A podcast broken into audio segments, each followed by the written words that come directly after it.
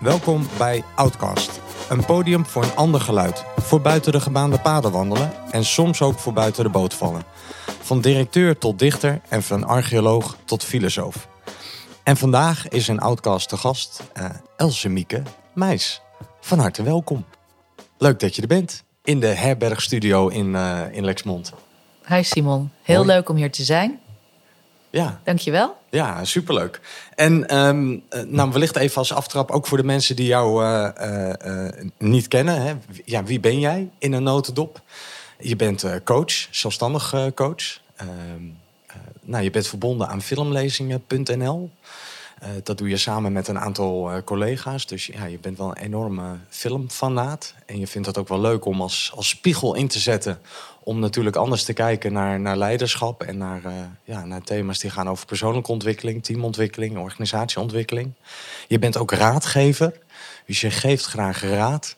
Nou, dat heb ik al een beetje wel kunnen merken, uh, terwijl we nog niet de opname waren gestart, hoe makkelijk dat ook gaat met jou. Dus uh, ja, dat maak je meteen waar. En, en ik las ook dat je ooit bent opgeleid als, uh, als ingenieur. Dus heel, heel erg ja, heb leren kijken op het inzoomen naar details.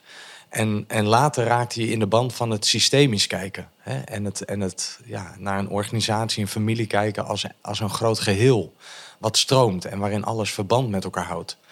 Um, nou ja, en je hebt opleiding ook gedaan bij Double Helix. Um, bij Manfred van Doorn. Dus ja, je hebt ook een hele rijke achtergrond uh, in hoe je jezelf hebt bekwaamd als coach. Dus nou ja, ik vind het heel erg leuk. Je neemt heel veel mee in je rugtas. Vat ik het een beetje zo goed samen? Ja, ik zit, ik zit uh, te luisteren met heel veel plezier. Leuk om iemand anders dan even zo die spiegel naar mij te houden. Ja, volgens mij vat je het. Eh, ja, je vat. Het is misschien. Het is in ieder geval een, een rake typering. Ja, en er valt natuurlijk nog veel meer te zeggen. Ja, uit dat hele rijke palet wat je in de aanbieding hebt. Ja, Nou ja, ik dacht maar zo even voor de vuist, uh, voor de vuist weg. En je hebt natuurlijk ook uh, ja, muziek uh, meegenomen. Zeker. Het was heel leuk om daarover na te denken. Ja, ja ik vind het ook. Het is altijd weer een. Um, ja, ja, een soort cadeautje. Ja, het klinkt bijna alsof ik nooit eens een keer denk... Uh, nou, wat is dit voor vreselijk nummer? maar ik vind het ja, altijd weer een verrassing waar, waar gasten mee komen. Weet je, de, want ja, het, het, het, brengt mij ook altijd weer meteen weer op iets nieuws. Snap je? Want sommige ja. muziek ken ik niet. Of uh, sommige muziek ken ik wel, maar heb ik al heel lang niet meer naar geluisterd. Dus dan, uh, ja, ik, ja, ik word er altijd blij van. Ja. Ja, en, en bij het uitzoeken merkte ik ook dat je dan weer, ook ik weer nieuwe betekenis ga geven aan muziek die ik dan heb uitgekozen. Want ik weet altijd, je kiest het nooit voor niks uit. Uh, dus dan ga ik altijd op zoek naar, wat zegt dat dan over mij? Dat is trouwens net als bij filmfragmenten, heb ik ook geleerd in mijn opleidingen. Van dan vind ik een fragment heel mooi. En dan vragen mijn collega's, maar waarom vind je dat nou mooi? Wat zegt dat over jou? Nee, dat vind ik gewoon mooi. Nee, maar wat zegt het echt over jou? Zo makkelijk kom je er nee, niet meer weg. Nee, en dat, nou ja, dan kan je daar weer over nadenken en daar weer een verhaal over maken. Want uiteindelijk zijn het natuurlijk allemaal verhalen die we over onszelf en anderen maken. Ja. En ik, ik las ergens ook een zinnetje op je profiel over um, uh, een scriptschrijver zijn van je eigen leven. Dus in die vragen die je collega's jou dan zo stellen, die gaan natuurlijk eigenlijk ook over het script van je leven. Ja van ja, waarom deze, deze muziek of waarom deze film of waarom dit fragment. Ja. Weet je, wat zit er nou achter? Welk script zit er nou achter? Ja, en dat, daar heb ik ooit over geleerd als het gaat over storytelling, want daar krijgen we het vast ook nog wel over. Uh, dat uh, het eigenlijk twee kanten zijn. Uh, het, het verhaal schrijft jou en tegelijkertijd schrijf jij het verhaal. En het is allebei waar. En dat gaat natuurlijk ook over lotsbestemming. Maar nou ja, het werken met polariteiten en twee waarheden tegelijk is ook iets wat, uh, wat ik heel graag doe. Dus het kan er allebei tegelijk ja. zijn. Ja. Dus ja, ik schrijf wel het script en daar heb ik ook invloed op. Maar er is ook al ergens, denk ik, een script. Uh, of heel vroeg gevormd, of misschien was het er al. Ja. Nou, dan uh, ja. daar gaan we het straks zeker over hebben. En kijk, het centrale thema binnen Outcast is natuurlijk ook een beetje de Outcast in jezelf ontdekken en taal geven. En, en zo'n gesprek als dit, hè, als we het hebben over script, ja, ik heb dat niet echt gescript. En jij zei ook eigenlijk al, ik weet eigenlijk helemaal niet zo goed wat ik nou bij die muzieknummers ga, ga vertellen en waar het gesprek überhaupt heen gaat. Dat vind ik juist een magie. Ja. Ook van, uh, van dit, het gewoon ter plekke laten ontvouwen. Ehm, ja, en, en dat is dan het script. Maar wellicht dat er subtiel al wel een script aanwezig was toen jij en ik hier eh, elkaar de hand gaven. Ja. Geen idee, maar dat gaan we, ja, dat gaan, Gaan we ontdekken. ja. Nou, maar dat is ook een beetje de rode draad, vind ik, van Outcast zelf. Dus eigenlijk je eigen script blootleggen. En hoe dat nou op een gegeven moment ook verband is gaan houden met je professionele verhaal. Dus ja, er, er is een persoonlijk verhaal, iets wat je heeft gevormd eh, in het leven.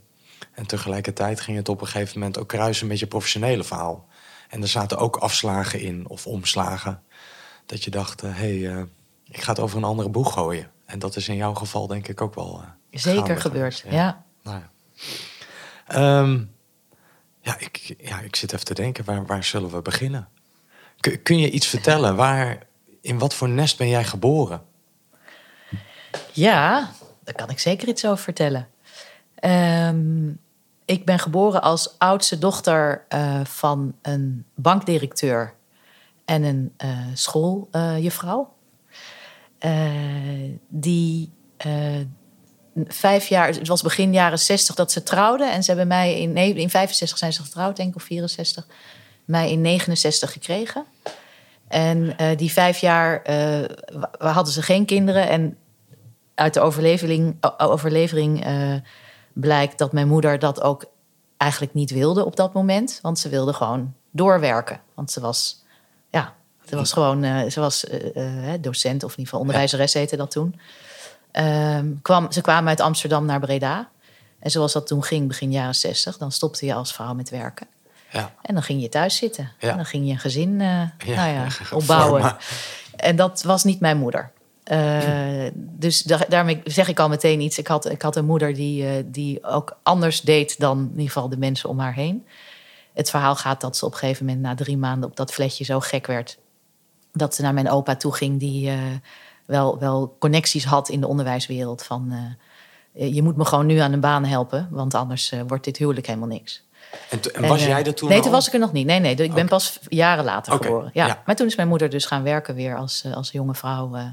Is ze weer eh, het, ja, is ze op school les gaan geven. Maar dat als getrouwde vrouw deed je dat. Ja, het mocht officieel wel, maar, Ja, het werd, het, volgens mij was het wettelijk is het ook heel lang verboden geweest, nog Ja. in de 50 jaren. Maar eh, nou ja, nu bijna niet meer nee, voorstellen, Nee, hè? kunnen we ons niet voorstellen. Dat was toch, dat stond toch, nou ja, die energie stond wel aan de basis van mijn leven. ja. En jouw vader En- liet dat ook toe. Ja. Hij had ook kunnen Ja. zeggen, nou, Ja. eh, Nee, er zijn bepaalde conventies. Ja, ja. Nee, dus dat is zo. Dat is zo dus ik ben wel uit een. Eh, mijn vader was wel iemand die uiterlijk wel over de conventies ging. Dus het moest eigenlijk wel eh, een beetje zoals het hoorde. Maar ik denk dat hij ook innerlijk wel. eh, alleen al door het feit dat hij met mijn moeder trouwde, was al ook een manier van. Het hoeft ook niet binnen de lijntjes. Dus dat, dat heeft hij. ja, dat, dat, en toen ben ik uiteindelijk Want, dus in negen. want het feit dat hij met je moeder... Ja. kan- hoefde niet binnen de lijntjes. Want Nee, hoe was je was- moeder dan buiten de lijntjes? Ja, kwam uit, hij kwam zelf uit Breda, uit een katholiek gezin. Mijn moeder kwam uit Assen. Eh, ze on- on- ontdekten elkaar in Amsterdam. En eh, ja, ik, ik denk dat, dat zij ook iets, iets voor hem, eh, ja, hoe noem je dat, symboliseerde. Juist van dat een beetje wat vrijere. En dat, Dat trok hem wel aan. Ja, dat onafhankelijke. Ja. Ze zijn overigens gescheiden hoor, toen ik begin twintig was. Dus het is, het is niet een heel gelukkig huwelijk geweest. Maar, eh, Maar jij bent er wel uit Ik ben voortgekomen. eruit voortgekomen samen met mijn jongere zus. Die is 3,5 jaar later geboren. En mijn moeder heeft altijd gewerkt eh, tijdens dat wij klein waren. Er gewoon door, door gaan werken.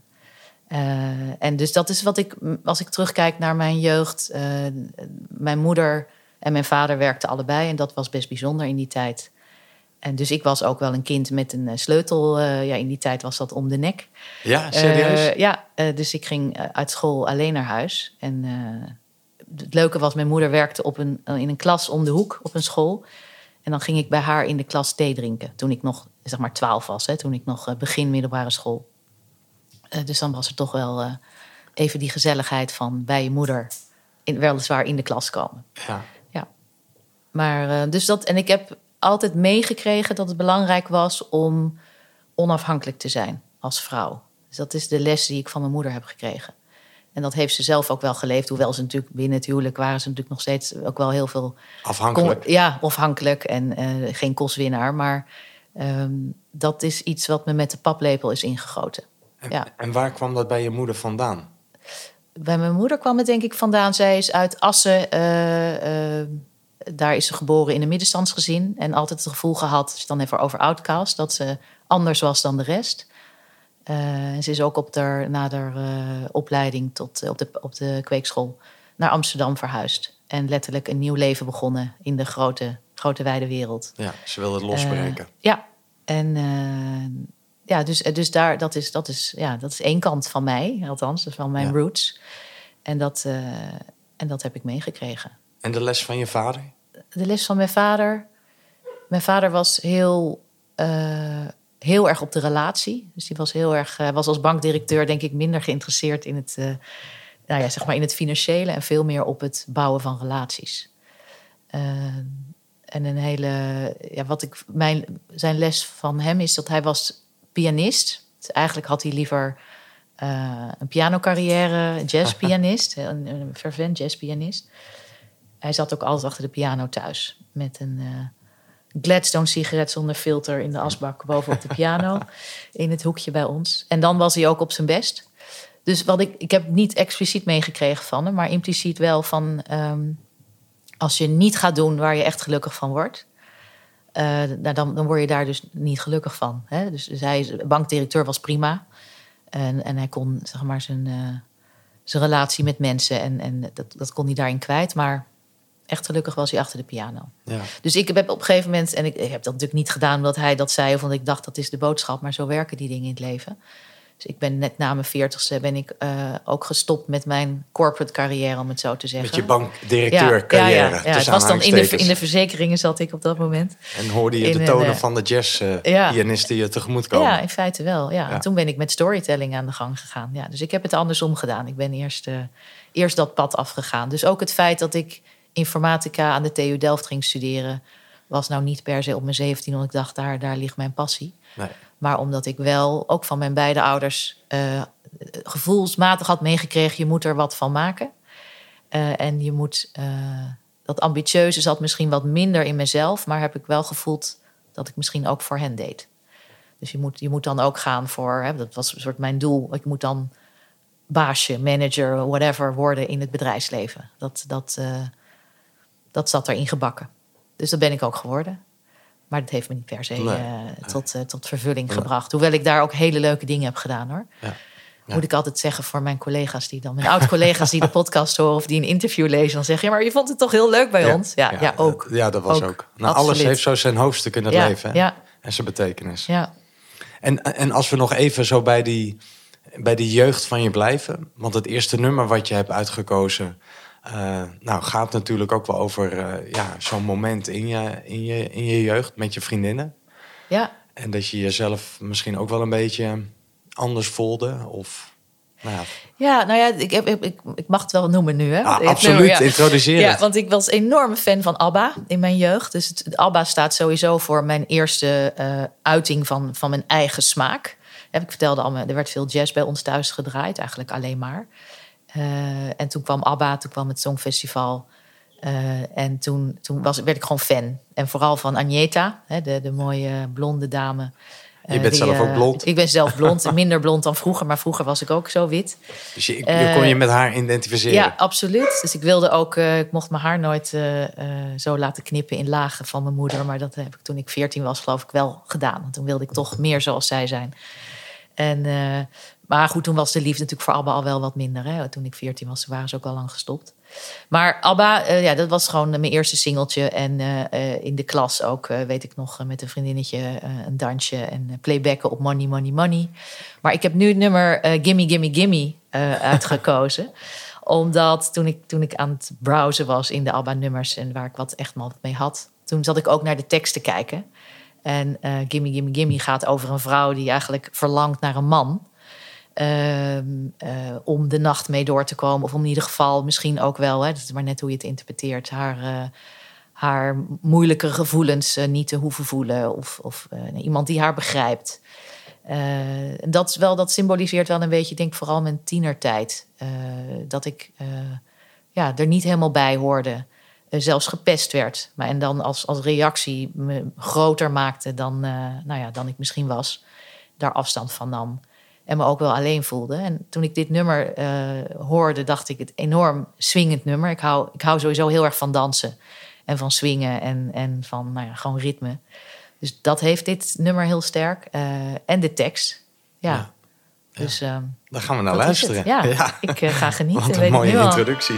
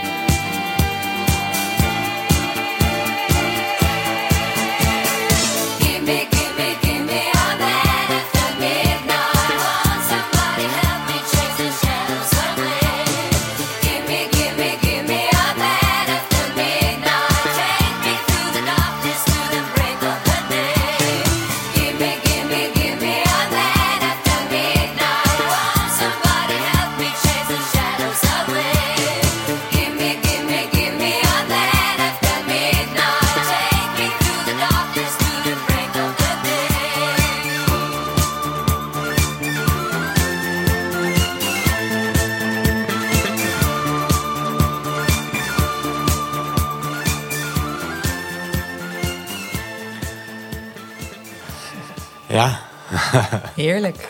Wat een heerlijk nummer. Echt. Ja, we zaten allebei een beetje te swingen, maar dat maakt dit gewoon los. Ja. Het is echt muziek die, eh, ja, die zo raakt. Ja, ja, het is grappig, want ik heb dit nummer er dit is, vroeger was het nooit zo het nummer waar ik, uh, waar ik nou ja, wat, wat echt, ja, nou ja, of in ieder geval die me zo is bijgebleven. Het is ook iets, iets later nummer van ze, dus toen was misschien, eh, ik weet niet, maar het, past nu helemaal. En weet nu al dat ik het de komende tijd weer wat vaker ga beluisteren. Ja. En wat raak je erin als je er zo naar luistert? Ja, het is nou, het, het vooral eh, gewoon het gevoel. Dus het is gewoon een, echt een, een, een nummer waar ik gewoon niet, niet bij kan stilzitten. Eh, en het, ja, het ik weet niet, ook de, de soort kracht in die in de tekst zit. Dus ook heel erg iets opeisen, hè? Van Ja. gimme, gimme, gimme. Geef me. Ja, dus weet je, ik doe ertoe. Ja, Dus dat raakt me erin. En, Ja. eh, en dat ook uitspreken. Ja, ja. Want in je tekst vertelde je er ook bij van... Ik, eh, ja, dat eigenlijk met je vriendinnen zo tijdens een verjaardagsfeestje... eh, toen keek je ook naar ABBA the Movie. ja En Ja. dat je toen ook eigenlijk ja, moest huilen. Ja, dat, dat, dat is een beeld wat ik me nog heel erg herinner. En ik moest natuurlijk echt even terugzoeken, was dat die film? Maar het was inderdaad was de eerste documentaire die over ABBA, of in ieder geval de eerste bekende. Dit heet ABBA The Movie. Ging eigenlijk over een, eh, een tour die zij in Australië hebben gedaan. En ik herinner me dat we voor mijn verjaardag naar de bioscoop gingen met een hele groep vriendinnen. Maar volgens mij was, ik denk dat mijn vader daar ook bij was, want zo jong was ik nog wel, een jaar of negen of zo. Maar dat ik toen, en ik, zou de, ik, ik heb de film niet herkeken, maar dat ga ik dus nu ook doen. Eh, ik weet dat ik, dat ik gewoon heel erg geraakt was door de film. Door in ieder geval, er gebeurde blijkbaar iets wat, eh, waardoor ik moest huilen. En dat ik me nu, als ik eraan terugdenk, weet dat ik het toen heb ingehouden. Dus dat ik heel erg mijn best heb zitten doen om dat niet te laten zien. Nee, te Want dat verdringen. is, eh, dat is natuurlijk niet goed als mensen zien dat je huilt. En dat had ik er dus inderdaad ook even bij verteld. Want ik denk, ja, dat is ook wel het je groot maken, je stoer voordoen. Heel erg, eh, nou ja, van het raakt mij allemaal niet. Nee. Dat is wel eh, is iets wat ik heel goed ken. Dat is wel een van mijn maskers geworden. Ja. Waar ik denk ik nu, ik ben nu eh, begin 50, ook wel weer eh, afstand van eh, deels heb gedaan. Maar dat is ook niet altijd makkelijk. Nee, maar het, zit, het Dus wel met je mee. Zeker. Dus dat is, dat is een manier voor mij om, er, om, om te dealen met de wereld. Om te en overleven. Ja, en om, om met emotie, met, met verdriet en pijn te dealen. Ja, Zoals we allemaal zo onze maskers hebben. zeker. Absoluut. Ja. En ik, ik vond zo'n zinnetje mooi in dat nummer van, van ABBA. Won't somebody help me chase my shadows away? Ja. Wie, wie is daarin voor jou belangrijk geweest? Of wat is zo'n moment of ervaring wellicht geweest... waarin je zegt, hey, dat heeft me geholpen om mijn schaduwen onder ogen te zien? Jeetje. Eh, Dat is denk ik niet op één moment geweest. Ik weet wel dat ik. eh, Ja, nou, ik- denk dat ik in mijn, in mijn jonge jaren wel ergens voelde van. ehm, eh, ja, als ik nu even over die periode van mijn leven. Hè, dus ik, ik, was, ik, ik wilde eigenlijk zo snel mogelijk het huis uit. Dat was een beetje het gevoel van mijn, eh, van mijn tienerjaren. Vluchten ook. Vluchten. Nou ja, vluchten in ieder geval. Ik heb altijd gedacht eh, van ik ga het anders doen. Hè, dus ik wil de wijde wereld in. en ik ga het leven anders inrichten. En dat, dus dat, ik denk dat ik altijd ook wel heel erg voor mezelf heb gezorgd. Ik ben heel erg bewust daarvan geweest. Ook wel daar verdriet over heb gevoeld en daar iets mee heb gedaan. In de zin van het gewoon er laten zijn. Dat deed ik dan wel in mijn eentje. Maar ik deed wel. Dus ik kropte het niet op. Eh, en vervolgens ben ik ook toen ik, eh, ik ben op mijn zeventiende, nou was ik klaar met mijn eindexamen, ben ik eh, gaan studeren en ook op kamers gaan wonen. En, en ja, be- ben ik ook mijn eigen leven gaan leiden. En dat was misschien in het begin nog een beetje zoals ik dacht dat het moest zijn, vanuit mijn achtergrond. Maar later ben ik natuurlijk coachopleidingen gaan doen, maar dan was ik alweer eh voorbij de veertig. Ja. Ja, daar, daar heb ik gewoon heel veel zelfreflectie gedaan. En, Ja. en, en ook geleerd om die kwetsbare kant wel te uiten. En nu heel recent nog weer een ontwikkelingstraject voor ervaren coaches... Ja. waarin ik dat nog weer een stap verder heb gebracht. Dus ja, het is pas later geweest dat ik daar anderen bij heb uitgenodigd Ja. of toegelaten. Ja. Ja. En, en het klinkt ook wel alsof je in die periode, zo rond je zeventiende... en hè, ik ga het anders doen, dat, het klinkt ook wel heel erg als je moeder. Ja, ja. Weet je, dat ik denk, hé, hey, dat, dat, dat script wat je moeder volgde... dat volgde jij ergens ook. Ook, een, ook die dat, zoiets had van, ik ga het anders doen. Ik ga weg uit Assen. Ja. ja, ik ging weg uit Breda, grappig genoeg. Ik ging echt weg uit Brabant, daar had ik ook niet zoveel mee. Heel anders dan, eh, natuurlijk, het is nooit hetzelfde, maar Eh, ik ging wel naar, naar het westen. Eh, waar overigens, hè, dus mijn ouders hadden elkaar ook in Amsterdam ontmoet. Dus daar had ik ook wel wat mee. Maar ik ging, ik ging naar Delft, weg, weg van al die Brabo's. Waar ik, zeg maar, in hindsight heb ik, heb ik meer met Brabant... omdat ik zie hoeveel leuks in, in het Bourgondische zit. Maar toen vond ik het, had, was ik er niet zo thuis. Nee. Nee. Nou ja, zo hebben we allemaal onze Ja. reis in het leven Ja. die je dan weer terugbrengt op een gegeven moment naar je roots. En dat je denkt, eh, ik, ja, ik, eh, ik zag ooit in een documentaire over Tony Robbins, hè, die bekende goeroe uit. Amerika. Die zei, eh, if you blame them for the bad in your life, you also have to thank them for the good in your life. Zeker. Ja, Dus ja, we hebben allemaal zo- zo'n fase in ons leven dat we ze veroordelen. Het was allemaal zo slecht daar. ja, En op een gegeven moment, ja, niet iedereen is dat denk ik gegeven hoor, maar voor een hoop mensen denk ik wel. Dat je denkt, ja, ik heb er ook veel goeds vandaan gekregen. zeker. Ja, en, en zo, eh, misschien denk je dat door het verhaal... het was niet allemaal zo slecht daar. Het was meer dat ik heel erg een kracht in me voelde... van dat ik het op een andere manier wilde Ja. doen. Ja, Eh, en, en dat hoort natuurlijk ook deels bij die leeftijd... maar dat was wel, dat was wel Ja. sterk. Ja. ja, ja, en ik realiseer me ontzettend dat ik gewoon 50% van beide ouders kom. Ja. En dat ik ze ook, eh, zeker in het systemisch werk, heb ik dat echt enorm leren voelen. En ook de kracht daaruit kunnen halen. Ja. Dus eh, weet je, dit, eh, ja, ik ben er door hen. ja en, dankzij hem. En, en, en ze zijn er ook nog steeds in mij. Ja. In, in die zin van, ja, en dat, daar zit heel veel mooie kanten aan. Ja, Ja. ja. hey, en als we, als we zo'n stapje in de tijd weer doorreizen. Want je vertelde al, hè, je, je bent eigenlijk eerst nou, gaan doen wat hoort. Ja, die corporate wereld in. En dat was ook een hele leuke tijd, Zeker. om dat maar te bena- benadrukken. Maar op een gegeven moment ontdekte je bij jezelf... Hey, het, het schuurt, het wringt. Wat, kan je nog herinneren wat zo'n omslagpunt was? Dat je dacht, ik wil het over een andere boeg gaan gooien?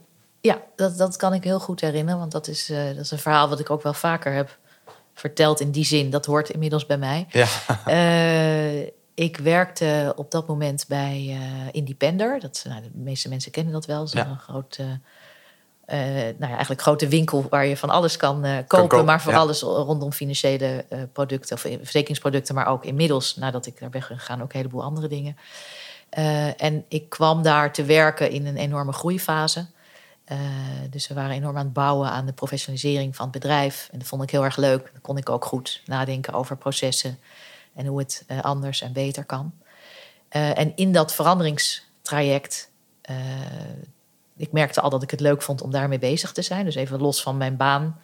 Ik was verantwoordelijk voor een aantal verzekeringsproducten, had een eigen business unit. Maar vond ik het gewoon leuk om na te denken over hoe krijg je mensen mee in verandering? Hoe doe je dat eigenlijk? En nou, dat traject dat, dat was, was leuk om te doen, maar ik ontdekte daar iets nieuws in. En dat was storytelling. In die tijd nog in Nederland beetje beginnend. Ja. De term dat je die ook in organisaties eh, kunt toepassen. En eh, we hebben toen ook iemand ingehuurd. En dat heb ik altijd nog later weer mijn muze genoemd. Mieke Bauma was dat.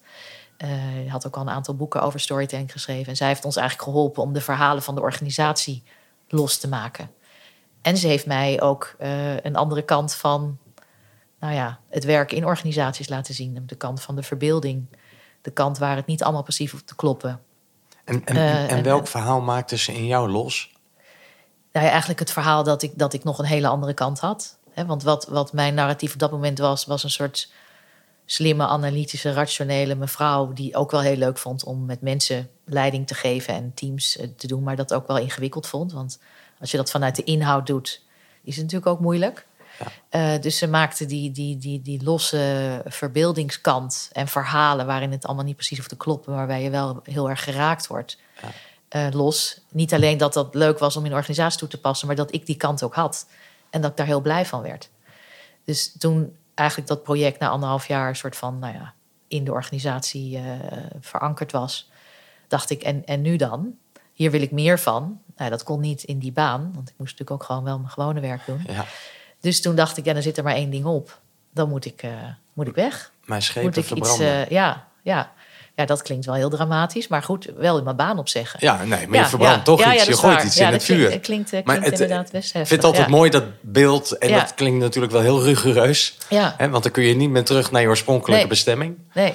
Maar ik, ja. ik, Nee, dat klopt. En, want het was ook zo dat toen ik, ik, heb, ik heb nog, toen ik de beslissing nam, een paar maanden nog dingen afgemaakt. Ja. Maar ik, merkte al wel heel snel op het moment dat je dan zegt ik ga weg. Dan worden er letterlijk eh, de plannen voor na jou gemaakt. Dus er binnen, binnen een maand was er al een nieuw iemand voor ja, mijn plek. Zo gaat dat. En dat voelde natuurlijk heel pijnlijk. Maar Ja. goed, dat was wel het gevolg van mijn eigen keuze. Ja. Maar toen ben ik voor mezelf begonnen. En ik noemde me in eerste instantie, eh, had ik op mijn kaartje gemaakt. eh, want ik begon voor mezelf als één pitter. Story thinker. Ook wel heel grappig voor mijn ontwikkeling daarna. Want later, een paar jaar later, werd dat story coach. En later werd het coach. Want toen ben ik me, een jaar of vijf geleden, ben ik me vol op het eh, coachen van, van individuen gewoon in brede zin gaan richten. Ja. Maar dat van thinking naar feeling, dat is in mijn coachopleiding is eigenlijk dat, eh, dat proces heeft zich voltrokken. Dat, dat is echt wel, ja, volgens mij het markeringspunt. Ik had denken altijd op het hoogste, op de, ja, bovenaan de Ja, lijst staan. ratio. Ja, want dat, eh, als je dat, als je dat kon. Olympus. Ja. Ja. En daar ben ik volledig eh, van afgestapt. Niet, niet in de zin van dat ik denk dat dat niet belangrijk is, maar het is allebei belangrijk. Ja. Dus, het, dus het denken en het voelen. Ja. Dus daar komen ook dat, eh, dat, dat, polariteitenverhaal waar ik het in het begin al over had, is daar echt wel ontstaan. Ja. Ja. Ja. En, en, en weet je nog welk verhaal jou ja, toen de tijd heeft geïnspireerd of steun heeft gegeven om ook die stap te wagen? Weet je nog zo'n verhaal waarvan je zegt, nou dat, dat, dat, Nou, dat klonk zo diep in mij? Ja, het was, het, was, het was meer een moment, denk ik. Ik ben toen ook voor het eerst zelf met een coach in gesprek gegaan. Toen ik dus voelde dat er, dat er iets borrelde. En we krijgen het er misschien zo nog wel over. eh, eh, ik heb later bij Double Helix heel erg veel gewerkt met de reis van de held. Het model van Joseph Campbell? ja, Joseph Campbell. Eh, dus die proloog, hè, de proloog is eigenlijk de start van het verhaal... dat je nog niet weet dat het verhaal begonnen is... maar pas als het begonnen is weet je... oh ja, dat was de proloog. ja. Ik heb denk ik wel een half jaar elke ochtend gevoeld van... dit is niet oké, deze baan voor mij. Ik moet hem eigenlijk... eh, weet je, het is, het is, ik krijg er niet genoeg energie van. Eh, misschien moet ik eens met mijn baas gaan praten. Maar goed, iedere dag als ik weer op kantoor was... dan, dan vergat ik dat weer. Dus toen dacht ik, misschien moet ik eens met een coach gaan praten. Dan kan ik het eens allemaal hardop een keer in kaart brengen. En eigenlijk meteen al bij de eerste... Het was misschien zelfs al toen ze me vooraf belden... en ik eh, een telefoontje aannam eh, terwijl ik op kantoor zat... en even naar een eh, vergaderzaal liep. En toen vroeg ze, hoe is het nou echt met je? Nou ja, toen merkte ik dat de emoties... Ik moest gewoon meteen keihard huilen. en toen dacht ik, oh ja, zo is het. Toen brak de dam. Ja, toen brak de dam. En toen had ik maar één eerste gesprek nodig... om in de auto op weg naar huis te bedenken... ik ga mijn baan opzeggen. Ja. Dus het, het, het was er al lang. Maar dat moment, ik had even iemand nodig die dat, die dat vroeg. Ja. Ja, ja. ja. En Die- toen was het ook helder. En toen was het ook helemaal niet ingewikkeld. Die even vertelde waar de sleutel om je nek ook Ja. weer hing. Ja, ja, ja, zeker. Ja. Nou, hey, en het tweede nummer van vandaag, Ja, past dat? Dat ja, past dat- volgens mij bij dit moment. ja, zeker. Eh, Ik denk dat ik kan mensen... van alles een verhaal maken. Dus ik Ja. ga er nu even een verhaal van maken. Eh, het is een nummer uit de documentaire Searching for Sugar Man. En eh, nou, misschien hebben een hoop mensen dat wel gezien. Hij is uiteindelijk heeft hij ook de, de Oscar voor de beste documentaire Ja. gewonnen in 2013. Het is een, een, een, een onwaarschijnlijk verhaal over een man, eh Sixto Rodriguez heette hij. Eh, een Amerikaan van in Detroit, die zelf ja, ik denk, ik, ik noem dat dus de Inner City Blues. Hè. Dat, daar, daar, dat is ook letterlijk een nummer wat hij heeft geschreven, wat daarover gaat. Maar hij, hij werd in die tijd ook wel de. eh, ja, in ieder geval werd hem heel veel talent toegedicht. Eh, hij heeft twee albums uitgebracht in de 70, begin 70er jaren. Maar hij is eigenlijk totaal geflopt. En hij is ook, heeft verder zich in leven gehouden als, als sloopwerker. En, en eh, hij is ook wel filosofie nog gaan studeren hoor. Het was een hele veelzijdige man. Maar in ieder geval, ehm, zijn platen zijn niks geworden. En in, in eh, Zuid-Afrika is hij in de tijd van de apartheid... en dat daar ook veel oppositie tegen was... een beetje de heldfiguur, de cultfiguur geworden van ehm, eh, de witte mensen... Die, eh, ja, die, die tegen de apartheid streden. En hij is daar heel beroemd geworden. Die, die albums zijn, zijn heel beroemd geworden. En ze dachten dat hij dood was. Totdat ze erachter kwamen dat het niet zo was. En toen heeft hij nog een soort tweede carrière gehad in Zuid-Afrika. Nou, daar Oh. is een film over gemaakt. Maakt Eh, nieuwsgierig. Ja, maakt ontzettend nou goed. En, en, ehm, en hij beschrijft dus eigenlijk de, de hardheid van het leven in de meeste nummers eh, van hem. En dit nummer wat ik, wat ik heb uitgekozen, en dat heeft ook een bizarre titel van The Most Disgusting Song. Eh, ja, het is, hij, hij zingt het bijna niet. Hij, hij, hij, eh, het is bijna meer spoken, Breef. spoken word-achtig. Ja, hè, zouden we het, ja, prevelen zouden we het nu noemen. En nou, de, de, de, de muziek daarbij is gewoon blues. En wat ik je net al gezegd, ik hou van, nou, ik hou van, van lekkere muziek, maar ik hou ook echt van die blues, van dat ruige. En hij beschrijft eigenlijk, dus daar moeten we echt naar gaan luisteren, een heleboel mensen die hij tegenkomt in zijn vage clubs waar hij, eh, ja, waar hij optreedt. Hè? Want zo hield hij zich in eerste instantie, eh, ja, dat, dat deed hij voor zijn werk. Dus gewoon, gewoon gigs doen in, in, in, in vage tenten Ja. in de inner city van Detroit. En daar kwam hij natuurlijk allerlei vage types tegen. En zijn statement aan het begin van het nummer is van... al die mensen, dat zijn wij. Ze, we, we zijn allemaal hetzelfde. Dus ik kom, waar ik ook speel, dezelfde mensen tegen. En ehm, ja, nou ja, daar gaat het nummer over. Ja. En hij beschrijft heel typerend en, en heel beeldend een heleboel mensen. Ja. En eh, nou, nu moet ik natuurlijk de link maken naar wat het nou met mij te maken heeft. Nou, dat doen we zo. Ja, oké. Laten we eerst naar, eerst gaan eh, luisteren. naar Ja. Most. Disgusting Song van eh, Rodriguez. Yes.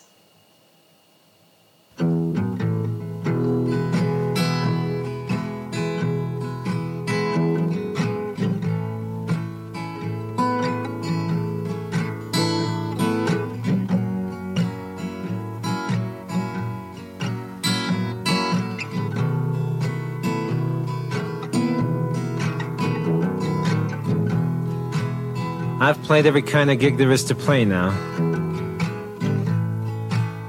I've played faggot bars, hooker bars, motorcycle funerals, in opera houses, concert halls, halfway houses.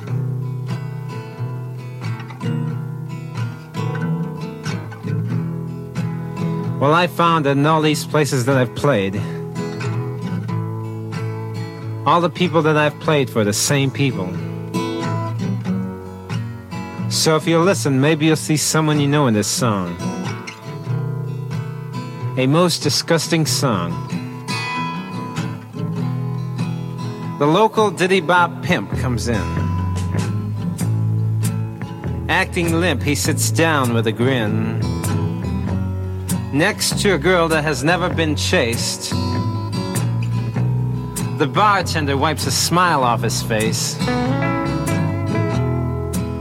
The delegates cross the floor, curtsy and promenade through the doors.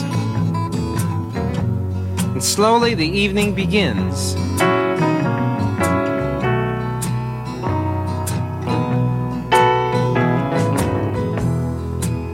And there's Jimmy Bad Luck Butts,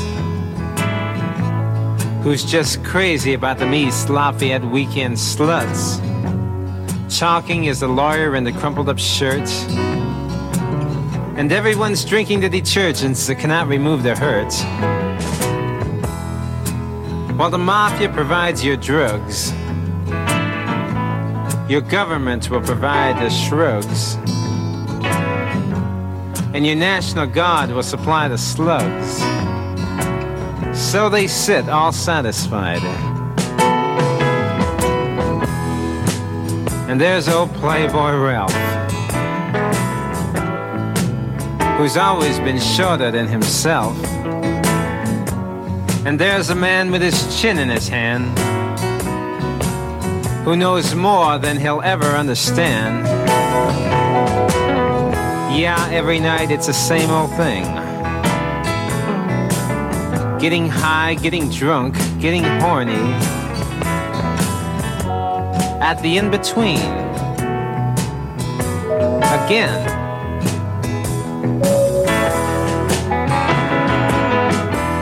And there's a bearded schoolboy with the wooden eyes,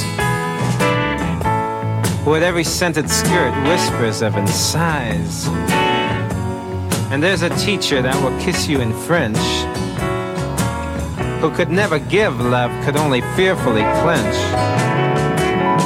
Yeah, people, every night it's the same old thing. Getting pacified, ossified, affectionate at Mr. Flood's party. Again.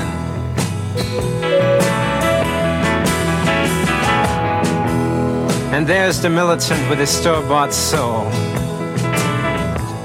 There's someone here who's almost a virgin, I've been told.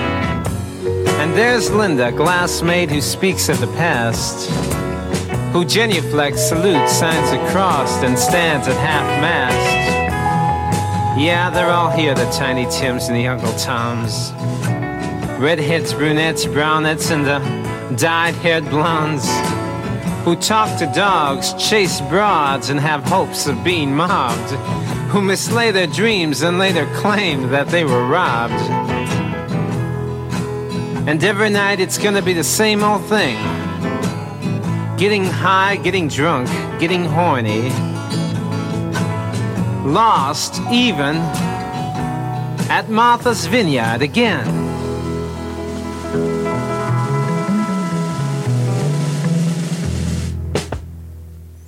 Yeah. Yeah. yeah, Lost Even at Martha's Vineyard. Yeah. Yeah. Ja, ja, ik vind dit zo'n mooi nummer, omdat dit dus gaat over dat we met z'n allen, en we lijken daarin allemaal op elkaar, Ja. eh, ja, toch heel erg bezig zijn om, om de wereld, die misschien complex en moeilijk en whatever is, eh, een beetje te verzachten. Nou, in dit geval dan eh, misschien extreem met, Ja. met, met drank en drugs en, en andere dingen.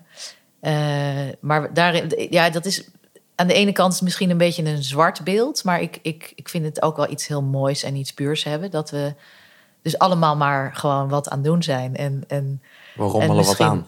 ja, we rommelen wat aan en, en, eh, eh, en we zijn bezig ja, met onze existentie. Hè? Met, Ja. met dat we leven, dat we zijn. Eh, en daarin, ja, daarin dat, dat, of je nou in Martha's Vineyard woont of, of in Detroit, in, in East Harlem of zo, dat, Ja. dat maakt niet zoveel uit.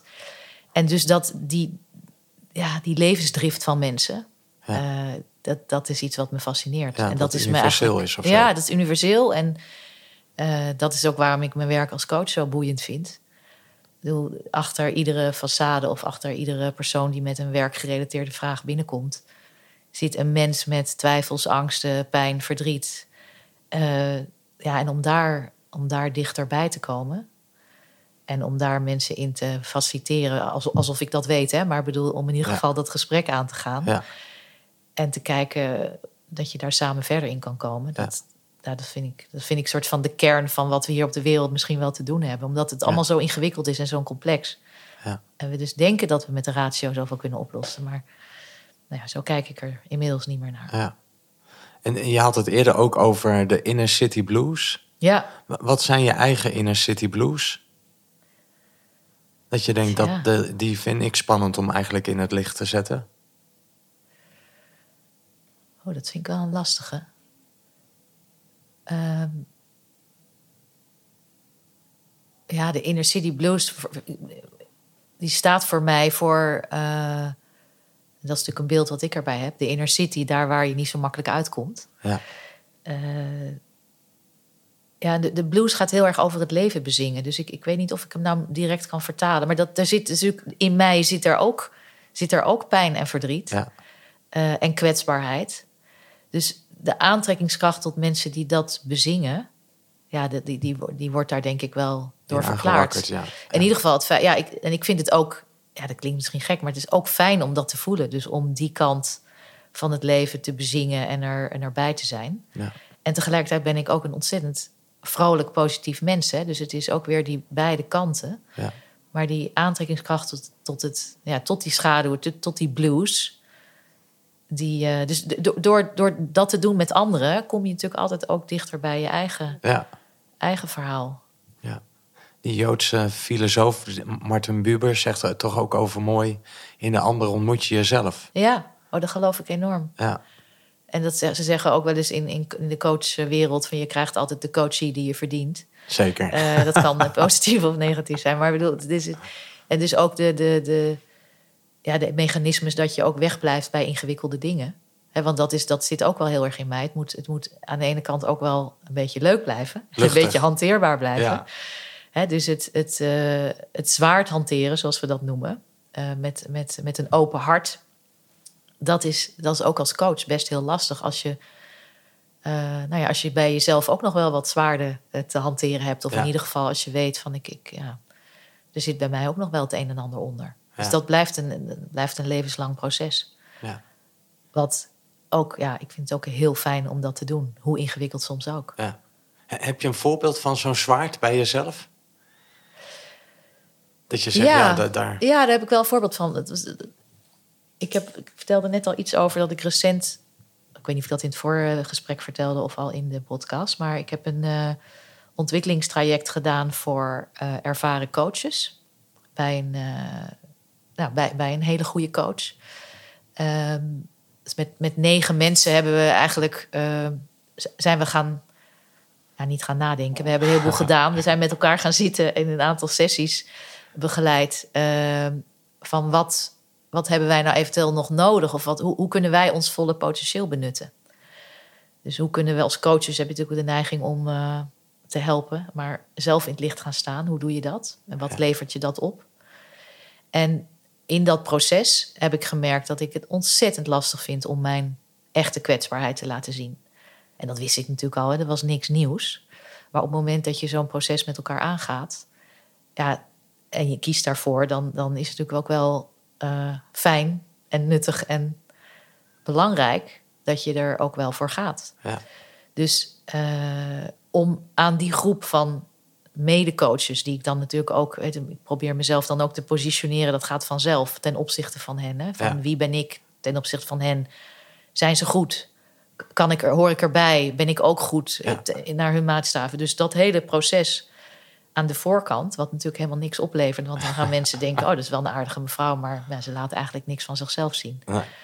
En dus op een gegeven moment was ook letterlijk de vraag van... eh, volgende keer eh, eh, kom je zelf of moeten we je komen halen? Eh, even even metaforisch gezegd dan. En toen, ja, toen, toen ben ik zelf gekomen in de zin van... Ik heb, ik heb een aantal dingen over mezelf gedeeld... waarvan ik dan denk, ja, waarom zou ik dat moeten delen? Waar dient dat toe? Hoezo? Hè? Maar, Ja. maar, dus dat is ook een enorme eh, afdekmechanisme om dat niet te willen. En dat heb ik wel gedaan. En dat heeft me zoveel opgeleverd. En ik kan nog veel meer erover vertellen, maar eh, eigenlijk mijn, mijn eigen kwetsbaarheid, dat die er ook is en dat die er ook mag zijn. En dat het eigenlijk niet zoveel uitmaakt wat anderen van mij vinden. Want dat, dat is toch wel de bril waarop ik heel lang in het leven, ja, in- zeg maar, die heb ik heel lang opgehaald. Ja. Om dat in ieder geval voor een deel ook weer af te kunnen werpen. Ja, dat is heel louterend. Ja. En ook dood, doodeng. Ja, ja. Dan sta je weer naakt, hè? Ja, want dat merk ik iedere keer als ik ook met groepen werk. Dat dat me nog ergens tegenhoudt om helemaal vol vrij te gaan. En wat En houd je dan het- tegen? Nou ja, dus, dus hè, dat mechanisme van wat zullen ze wel ervan vinden. Ja. Ja, En dan ben je natuurlijk niet vrij. Nee. Dus ik merk ook wel weer sinds ik daar weer een, nou ja, gewoon een grote stap in heb gemaakt, dat ik letterlijk vrijer en relaxer met groepen werk. Gewoon, gewoon dat is meteen merkbaar in de spanning die ik niet meer heb aan de voorkant. En, en, en langs welk moment in je leven moet je dan reizen om te denken... ja, dat was eh, daar en toen in mijn leven wellicht nodig om te overleven... maar dat is hier en nu niet meer dienend? Waar moet je dan langs?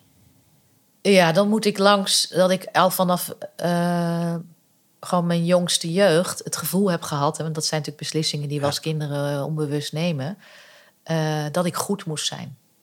Ja. Dat ik het goed moest doen. Dat ik letterlijk, eh bij wijze van spreken, nou nee, niet letterlijk eigenlijk, als kind van een onderwijzeres die bijles gaf en ik in de box ernaast zat, het goede antwoord zat te geven en moest geven en daarvoor erkend en geëerd werd. Ja, En dat is, eh, ja, dat, en dat, zo werkt dat. En dan denk je, oh, hey, dit, is, dit is een manier waarop ik eh, de aandacht kan krijgen. Of dat ik, dat ik liefde kan krijgen en erkenning. Dus het goed doen, het goed doen, eh, zelf, maar ook anderen daaraan houden, is, is, is heel lang heel belangrijk voor mij geweest. Ja. Hè? Dus dan ga je ook naar de Technische Universiteit Delft ja. een studie doen waarvan iedereen zegt, oh, dat is knap. Zo, Ja, dat is knap. zo.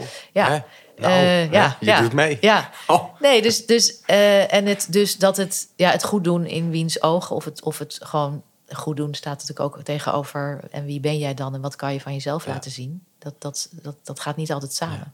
Ja. Dus dat, dat is wel een hele belangrijke om. En, en dat laat je natuurlijk niet los omdat je weet dat dat moet. Dat is een proces. Ja. En daar moet je iedere keer weer doorheen. Ja. Dus dat geldt ook voor deze podcast. Hè. Ik denk, ja, één, wie zit daarop te wachten, mijn verhaal? en twee, het moet natuurlijk wel goed zijn. Ja, het moet goed zijn. ja, Het moet wel hout snijden. Ja, ja, ja. En nou, tegelijkertijd kan ik dat ook weer loslaten. En dan dus nu ook niet voorbereiden. Dat zou ik een paar jaar geleden wel gedaan hebben. Zou ik heel verhaal in mijn hoofd hebben. Ja. Nu, eh, Nou, ik Laat voel je nog me- be- ja. best... eh, ik heb natuurlijk gasten die appen mij gewoon alleen maar drie nummertjes toe. ja, ja. En dan vraag ik wel om ondertitels, maar die krijg ik gewoon niet. ja. En ik, en ik heb gasten zoals jij die er wel, wel werk van maken. Hè, dus die, die en de nummers delen en ook wel vertellen van nou dat betekent dat nummer voor mij. Dus dat zat er bij jou ook wel in. Dus ik, ik las er wel uit Nee. naar voren. Dit is wel Zeker. ook een ijverig iemand. ja, En die, eh, nou, die het graag goed wil doen. ja, Dus dat, dat, dat las ik wel door de zinnetjes heen. ja. Ja. Waarbij dan de, de focus steeds meer komt op wat is goed voor mezelf. Dus wat, Ja. wat, wat vind ik, wat is belangrijk voor mij? Ja. ja. Ja. Nou, fijn. Nou, en ehm, ja, ik ben ook wel nieuwsgierig, maar misschien dat daar de, de- ja, de laatste muziek van de dag ook wel past. Dat je iets vertelt over die polariteit. Ja. Want dat is toch wel iets waar je gewoon, dat je zegt, ja, dat is mijn verlangen, dat is mijn missie voor de toekomst, dat is mijn missie eigenlijk elke dag. Ja. ja, dus het werken met polariteiten. eh, daar ben ik eigenlijk mee in aanraking gekomen toen ik bij Double Helix, die noemde je net al even, een opleiding deed. Prachtige model eh, voor menselijke ontwikkeling en leiderschap. En wat Manfred van Doorn eh, heeft eh, gecreëerd. Ja, Eh, gebaseerd trouwens ook weer op The Hero's Journey van Joseph Campbell. ja, En het mooie van het model is, het is een cirkel. Het zijn twaalf stappen van de reis. Maar in een cirkel staan natuurlijk de verschillende punten tegenover elkaar. Dus je hebt eigenlijk ook zes spanningsvelden. ja, En eh, dat denken in spanningsvelden, dat gaf mij echt zo'n ja, soort. Het, het leek wel alsof ik daarmee de wereld opeens een stukje beter begreep. ja, Ik realiseerde me ook dat alle verhalen, alle conflicten, alle dilemma's, die, die spelen zich natuurlijk altijd tussen die spanningsvelden af. ja, Dus, dus dat was één. Dus dat vond ik al gewoon fijn als model. Maar dat was nog een beetje meer in mijn rationele tijd. En later kwam ik in mijn coaching er ook steeds meer op dat eh, juist het hanteren van die spanningsvelden in onszelf, ja, daar, daar zit vaak ook de sleutel. Dus Ja. ik ben ook gaan werken met voice dialogue. Dat is Ja. een manier eh, dat je eigenlijk met de verschillende kanten van jezelf in gesprek gaat. ja, En gezien dat we al- allemaal die primaire kanten hebben, die, die ons bijna overnemen. Ja. En er zit vaak een andere kant tegenover die we hebben veronachtzaamd. eh waar wellicht als we die kunnen inzetten ook heel veel levensenergie in verborgen zit. Ja. Nou, wat ik zelf heel mooi vind, ik heb dat natuurlijk in, in mijn eigen leven meegemaakt, dat ik bepaalde kanten echt totaal eh, in de schaduw heb gelaten, zoals jij dat ook al zo mooi noemde. ja. Zoals die kwetsbare zoals die kwetsbaarheid. Ja. en kwetsbaarheid, nou weet je, want dat, dat, dat vind ik ook wel mooi om nog even te noemen. Heel veel mensen zeggen, ja, je moet dan je kwetsbare kant laten zien. Hè? Ja, dus dat klinkt zo. ja, je moet je kwetsbaarheid laten zien, ook als leiders, dat is belangrijk. Maar Ja. ik geloof inmiddels dat de kwetsbaarheid zit er altijd onder. Hè? Dus we zijn als kind natuurlijk super kwetsbaar, maar ook vrij. Ja, En we gaan in de loop van ons leven eh, nou ja, kanten van onszelf ontwikkelen die die kwetsbaarheid eigenlijk beschermen. Dat, dat is wat ze doen. Hè? Ze, harnassen. ze, ze, ze harnassen ons zodat we die, zijn niet zo, zo eh, kwetsbaar zijn. Dus je kwetsbaarheid laten zien. Voor mij is niet zozeer om dan alles maar te vertellen wat, wat, er, nou, wat, je, wat, je, wat je diepste angsten of, of eh, eh, twijfels zijn. Maar veel meer snappen van dat wat jou zo sterk en goed maakt. Van hoe beschermt dat die onderliggende kwetsbaarheid? En welke andere kant kun je daar ook bij pakken, zodat je ja, niet meer zo in die overlevingsstand hoeft. En uiteindelijk is het natuurlijk gewoon dat we tegen onszelf moeten zeggen: ik kan nu heel goed voor mezelf zorgen. Eh, op de manier die veel meer in evenwicht is, in Ja. plaats van alleen maar die, die ene polariteit. Ja, Nou ja, en, dat, en dat werken met met name eh, leiders, dat is dan een beetje mijn soort van favoriete doelgroep, die heel lang, denk ik, al leven in het idee van ik moet het alleen doen. Dus dat is een beetje mijn eigen thema. Ik heb ook altijd gedacht, ik moet het alleen doen. Ik moet flink zijn, onafhankelijk. Eh, eh, en dan die onderliggende kwetsbaarheid eigenlijk verkennen. Niet zozeer je moet je kwetsbaarheid laten zien naar buiten, maar veel meer hem verkennen, snappen, zelfreflectie, snappen hoe het in elkaar zit. Want ik geloof wel dat die, die panzers en die maskers, dat, die hebben we allemaal in meer of mindere eh, mate. Ja.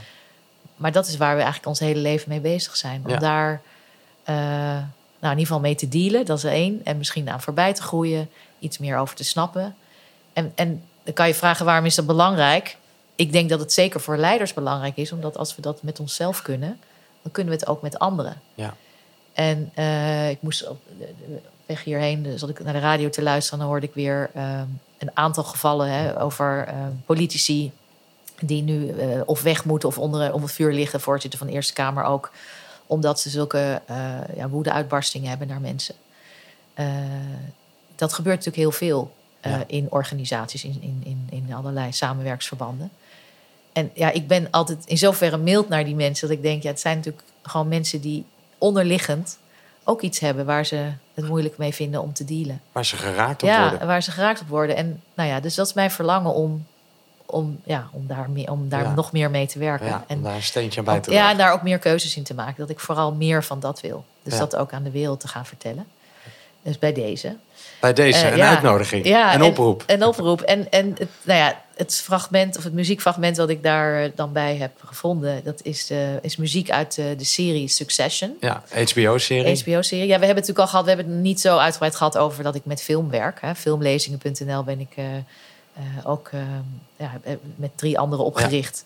Om met filmfragmenten eigenlijk in organisaties het gesprek te faciliteren. Eh, dus ik kijk veel films en series. Kan er ook eigenlijk nooit meer echt normaal naar kijken. Maar Nee. dus ik ben altijd in een boekje op aan het schrijven. Oh, dit is een mooie scène die we kunnen gebruiken. Maar Succession eh, is overigens een serie waar ik denk ik niet zoveel uit zal gebruiken eh, in sessies met organisaties, omdat er heel veel eh, eh, ja, afweermechanismen eigenlijk alleen maar in voorkomen. Dus het gaat over mensen die de slechtste van, de kant van zichzelf laten zien. Ja. Eh, maar het, is wel, het blijft natuurlijk heel fascinerend. Dus eh, die serie gaat over een, eh, een vader met vier kinderen. En die vader is ge- gebaseerd op Rupert, Rupert Murdoch. Een extreem rijke man in de mediawereld. Ja. En eigenlijk is hij zijn hele leven ehm, nou, bezig om nog rijker te worden, nog invloedrijker. En zijn kinderen zijn daar de dupe van. De serie gaat eigenlijk vier seizoenen lang over wie de opvolger wordt, hè, de successor, successor van deze man. En, Eén eh, groot spel. Eén groot spel. Ja. Om macht. Ja. En, en diep triest ook. En diep rakend. Ik denk dat het daarom de serie mogelijk hij is, hij is fantastisch goed gemaakt. Maar hij ons allemaal, denk ik, op een bepaald niveau raakt. Omdat Ja. we allemaal kind zijn van onze ouders. Ja. Eh, dus ik heb gewoon de, ja, twee stukjes, maar die worden na elkaar gespeeld van de filmmuziek eh, uitgekozen. En daarna en, gaan- eh, ja. ja, en, en daarna, ja, want dan kunnen we dus ook meteen, zullen we dat aansluitend doen? Ja, Want, kunnen we doen. ja. Of dat we even een, een, nou ja, dat je het even kort introduceert. Ja, en dan gaan we inderdaad ook luisteren Dus naar een de. fragment uit, uit Succession zelf. Ja, ja. Maar eerst de muziek. Eerste muziek.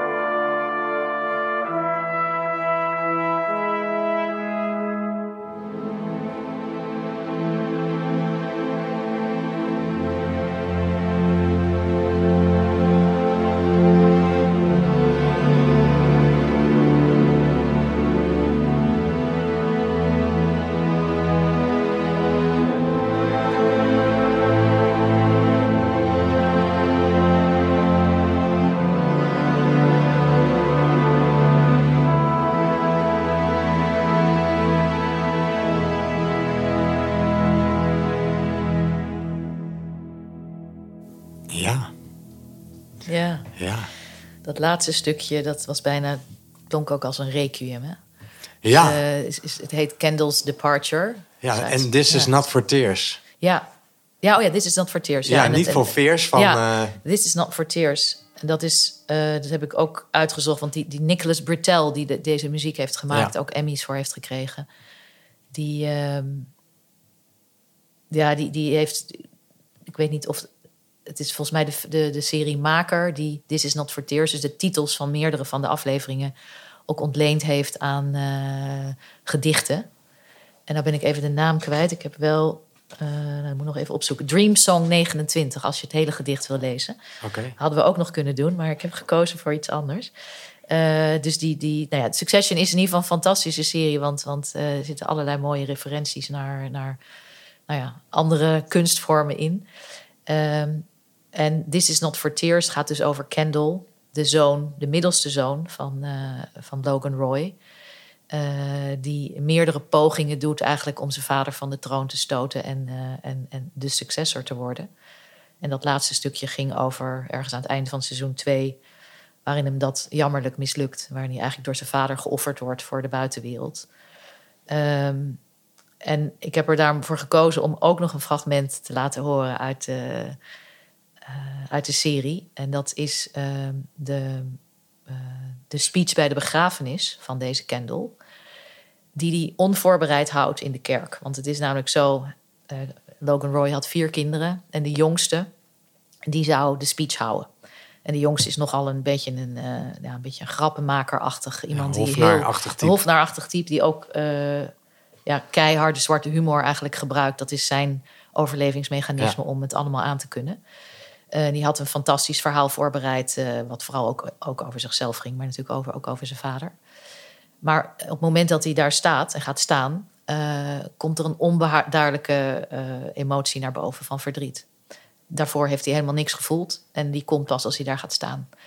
Dus ter plekke wordt Kendall gevraagd om dan maar de speech te houden. Ja, dus hij die- moet improviseren. Hij moet improviseren. Hij pakt de briefjes van zijn zus en zijn broer. en, en je hoort aan het begin van het fragment dadelijk ook nog even stilte. En hoor je een pen. Dus hij is nog wat aantekeningen aan het maken terwijl hij daar al voor staat. En vervolgens houdt hij een speech. ehm, ja, vanuit zijn hart. eh, waarin hij. eh, nou ja, de good, de bad en de ugly benoemt, om het zo maar te zeggen. Daar hou ik altijd van, van de whole package. Ja. En één quote eruit eh, wil ik alvast wel even benadrukken. En dat gaat over that human thing, the will to be, to be seen, to do. En dat vind ik er ook zo mooi aan, want dat is ons human thing. En dat is wat eigenlijk ons drijft. En eh, nou ja, hij kan daar dus ook, eh, als het over zijn vader gaat, iets, eh, iets moois over zeggen. ja, en daar gaan we nu naar Gaan luisteren. we nu naar luisteren. Nou, ik ben heel benieuwd. Um, I'm going to try to just stand in for my brother. Just need water or something. Anyway, you can, can you get some fucking water?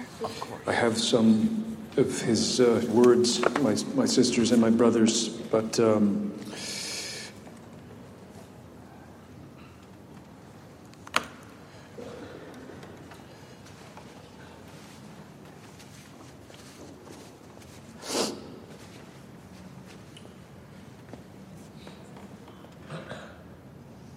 yeah, I, I don't know how much I know, but I knew my father.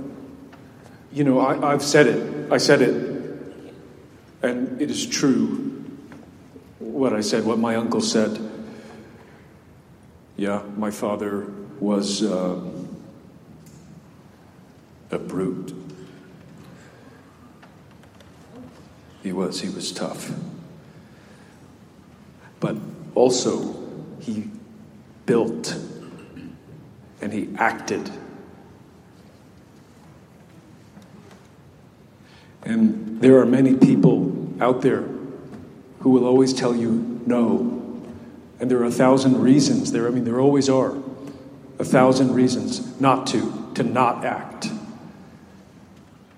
But he was never one of those. He had a, a you know, he had a vitality, a force that could hurt. And it did. But my God, the sheer, the, the, I mean, look at it the lives and the livings and the things that He made. And the money. yeah, the money. The lifeblood, the oxygen of this, this, this wonderful civilization that we have built from the mud. The money, the corpuscles of life gushing around this nation, this world, filling men and women all around with, with desire, quickening the ambition to own and make and trade and profit and build and improve. I mean, great geysers of life he willed, of buildings he made stand, of ships, steel hulls, amusements, newspapers, shows, and films, and life, bloody, complicated life. He made life happen. He made me and my three siblings.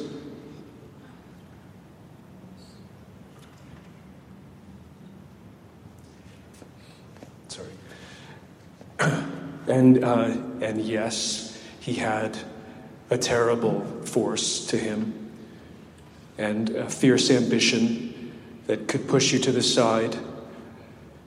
But, but it was only that, that human thing the will to be and to be seen and to do. And now people might want to tend and prune the memory of him, to denigrate that force, that magnificent, awful force of him. But my God, I hope it's in me. Because if we can't match his vim, then God knows the future will be sluggish and gray. Now, there wasn't a room from the grandest stateroom where his advice was sought to the lowest house where his news played, where he couldn't walk and wasn't comfortable.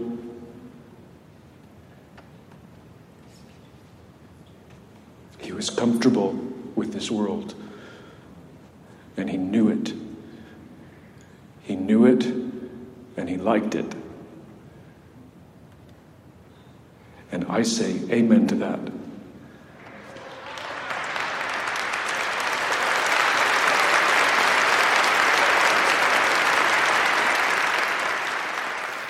Amen to that. Ja, Ja, zeg dat wel. ja.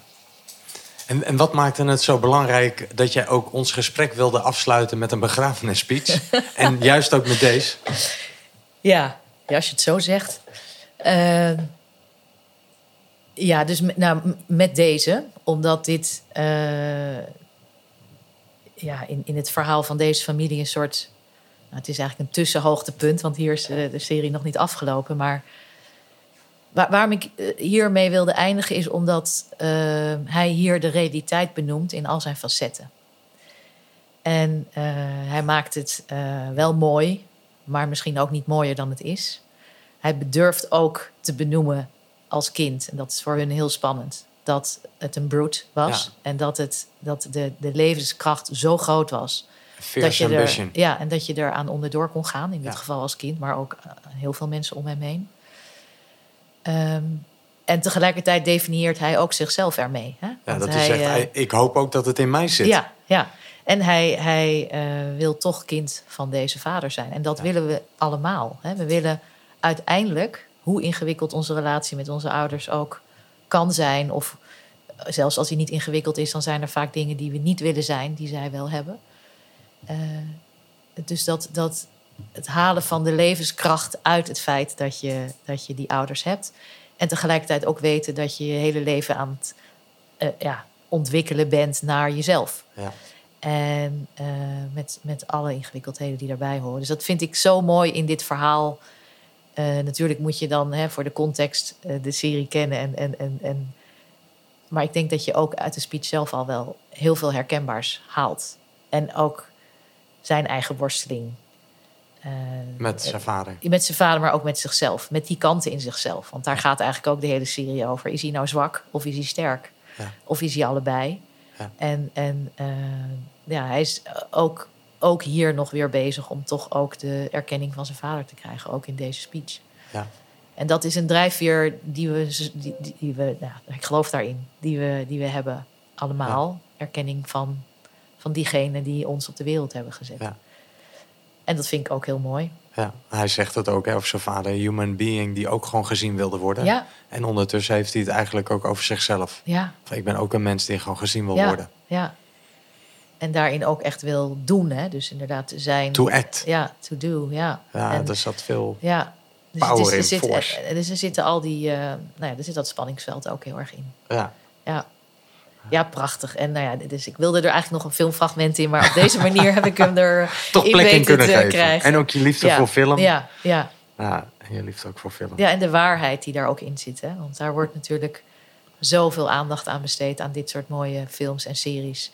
Door mensen die daar natuurlijk ook weer zichzelf in brengen. En dat wat zij over het leven weten. En eh, ja, dat is een hele mooie manier om het leven beter te begrijpen. Hey, en zo in de epiloog van dit gesprek. ehm, ik, ik had een plaat meegenomen hè, die niet van jou is, maar waar wel ABBA op staat. Een. LP-plaat. Met als titel Arrival. Ehm, ja, waar ben jij zo nu gearriveerd aan het einde van dit gesprek? En dat je denkt van, ehm, nou, daar heeft dit gesprek mij weer gebracht.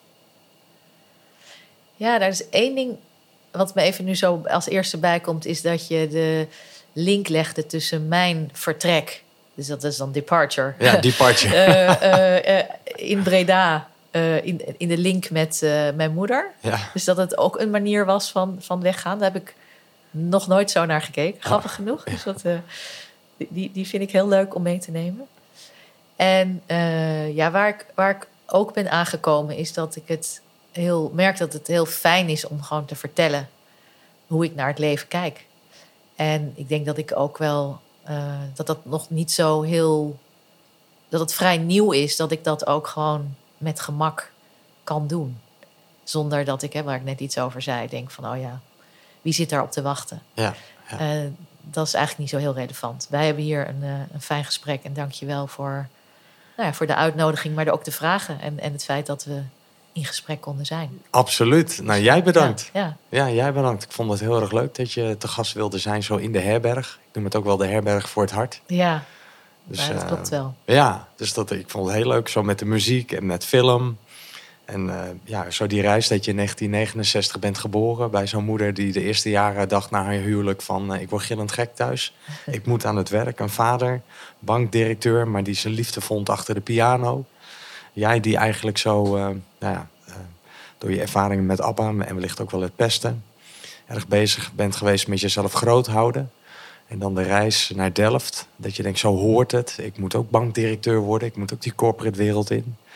En dan op een gegeven moment denk je, ja, maar mijn vader, impliciet heeft hij me eigenlijk al een boodschap gegeven om echt je hart te volgen. En via zo'n eh, Mieke Bauma, jouw muze, zoals je dat zo mooi schrijft, dat die een soort ander verhaal in jou losweekte. Of ging, en dat je, dat je zelf ook een ander verhaal ging, ging schrijven. Dus de scriptschrijver in jezelf werd in één keer wakker gekust. En dat je dacht, hé, hey, eh, nu ga ik van story thinking naar story feeling. En searching for the inner city blues. En misschien ook wel andere mensen helpen om hun eigen inner city blues eh, onder ogen te zien. Hè? En je- soms je most disgusting song eh, te beluisteren. En ja, tenslotte dan Succession. Ehm, ja, en de polariteit en je jeugd overleven. En de, de, good, de bad en de ugly hè, onder, eh, onder ogen zien. En eh, woorden geven, al improviserend. Uit het hart. Dus eh, ja, nou, dat zo even als een kleine mini-samenvatting van het gesprek met jou. Ja, fijn, dank je wel daarvoor. Ja. Heel mooi om dat te horen. Heel leuk. Nou, ja. Nou, wellicht tot ziens. Maar in ieder geval voor nu een einde van, eh, van deze outcast. Dus nogmaals bedankt. Leuk dat je te gast wilde zijn. En eh, nou, ik hoop dat je als luisteraar eh, ook nou, hebt genoten van dit gesprek. En de muziek en de verhalen die Else Mieke je zo hebben aangereikt... wellicht ook weer iets in jezelf doen, doen openbarsten. Hè? Het zwaard met een open hart al hanteren. Dus eh, nou, ik hoop dat dit gesprek daar weer eh, aan heeft bijgedragen. Dus bedankt voor het luisteren naar deze Outcast met Else Mieke Meis. Eh, nou, je hebt haar uitnodiging ook gehoord. Dus zoek je ooit naar je eigen polariteit en je eigen kwetsbaarheid, dan, dan weet je haar te vinden. En dan krijg je ook muziek en film aangereikt. En nou, voor nu heel graag tot de volgende Outcast.